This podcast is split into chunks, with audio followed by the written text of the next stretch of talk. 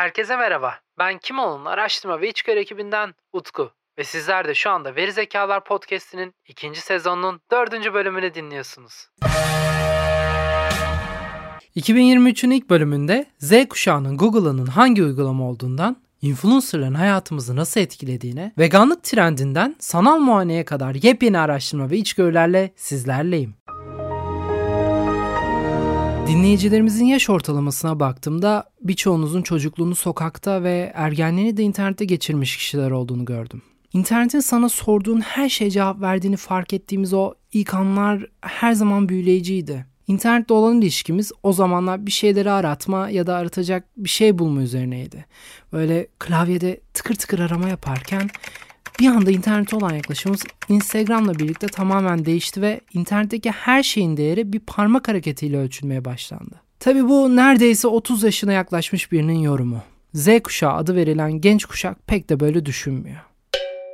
16-64 yaş arası 260 bin internet kullanıcısıyla gerçekleşen bir araştırma Z kuşağının önceki nesillere kıyasla oldukça farklı internet kullanım modelleri geliştirdiğini ortaya koyuyor. Araştırma önemli bulgularına göre 25 yaş ve üzerindeki çoğu kişi için Google nasıl internetin tanımıysa Z kuşağı içinse Instagram'ın öyle olduğu görülüyor. Yani bu kuşağa ait kişiler Instagram'ı en az Google kadar önemsiyorlar ve en az o kadar sık kullanıyorlar. Tabii böyle olunca kültürler çok hızlı değişiyor. Yaşam tarzımız çok çabuk şekilleniyor.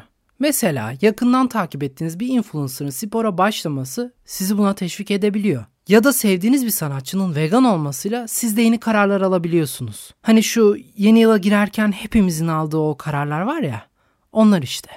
Bir, bu pazartesi diyete başlıyorum. İki, spora yazılıyorum. Üç, her sabah beşte kalkıyorum. Gibi. YouGov'un Birleşik Krallık'ta 2000 kişiyle gerçekleştirdiği araştırma tüketicilerin Ocak ayında vegan bir yaşam tarzı benimseyip benimsemeyeceklerine mercek tutuyor. Araştırmanın öne çıkan verilerine göre Britanyalıların neredeyse dörtte üçü et tükettiğini belirtiyor. Ayrıca erkeklerin et tüketme olasılığı kadınlara göre daha yüksek durumda. Araştırmaya katılanların %6'sı da vejetaryen olduklarını söylerken Britanyalıların yalnızca %2'si vegan bir yaşam tarzı benimsiyor.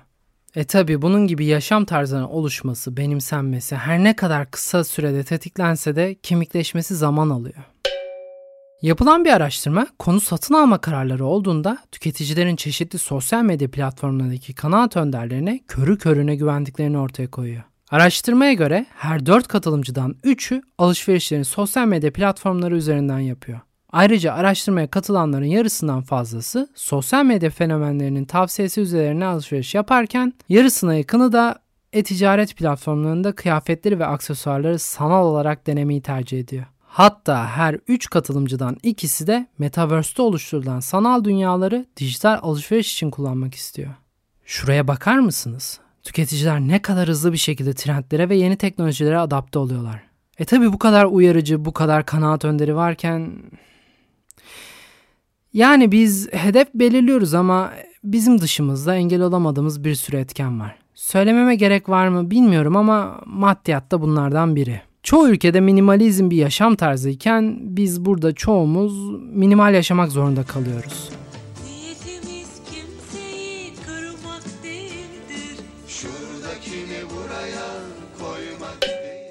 Hatta öyle ki tüketicilerin çevrim içi eğlence deneyimleriyle ilgili tercihlerini ve davranışlarını 10 ülkede 6000 katılımcı ile inceleyen bir araştırmaya göre tüketicilerin üçte birinden fazlasının son 12 ayda dijital yayın hizmetlerinden en az birinin aboneliğini iptal ettiğini ve dörtte biri de önümüzdeki yıl içinde dijital aboneliklerinden bir veya daha fazlasını iptal etmeyi düşündüğünü gösteriyor. E, bu kadar fazla platform varken hangi birine aboneliğiniz olduğunu karıştırdığınız eminim olmuştur. Herkesin ortak bir hayali var. O da abone olduğu tüm platformlara tek bir platform üzerinden ulaşabilecekleri bir sistem. Araştırmacılar tüketicilere eğer böyle bir platform çıkarsa ödeme yapıp yapmayacaklarını sormuşlar. 10 kişiden 4'ü de olumlu yanıt vermiş. E yeterince fazla uygulama, platform var zaten. Ben de kesin o efsane platformun ilk üyelerinden biri olurdum. Buradan yetkililere duyurulur. Yetkili demişken yetkililere ulaşmak her zaman mümkün olmuyor. Tamam tamam. Ben en iyisi araştırmaya geçeyim. Yani bu Amerikalılara alıştık artık. sanki moderniteyi kendileri keşfetmiş gibi davranıp aynı zamanda da ilk kez karşılaşmış gibi karar veriyorlar. Neyse olayı daha fazla karmaşıklaştırmadan ben araştırmayı anlatayım. Amerika'da neredeyse 800 kişiyle yapılan bir araştırmaya göre katılımcıların yarısından fazlası ihtiyaçları olduğu takdirde kendilerinden daha fazla bilgiye sahip olduklarına inandıkları bir uzmanla görüşebileceklerini söylemiş. Ve eğer bir doktora sanal yoldan daha kolay bir şekilde ulaşabilecekleri garanti edilirse sanal muayeneyi yüz yüze bakıma tercih edeceklerini belirtmişler. Yani katılımcıların yarısından fazlası ihtiyaçları halinde doktora gitmeyi mantıklı bulurken bir o kadarı da eğer daha kolay ulaşacaklarsa Zoom'dan da görüşebileceklerini söylemişler. Katılımcıların üçte ikisi geçtiğimiz yılda en az bir doktorla görüştüğünü söylerken neredeyse 10 kişiden 9'u da sanal muayeneden memnun olduklarını dile getirmiş. Neyse ben bölümü burada bitireyim. Kimolo'nun hazırlayıp sunduğu Veri Zekalar Podcast'inin ikinci sezonunun dördüncü bölümünün sonuna geldik. Kimolo'yu ve Veri Zekalar Podcast'ini tüm sosyal medya mecralarından takip edebilir, verizekalar.com'dan haftalık e-bültenimize kayıt olabilirsiniz. Bir sonraki bölümde görüşünceye dek hoşçakalın. Ha, bu arada Spotify'da bildirimleri açmayı unutmayın.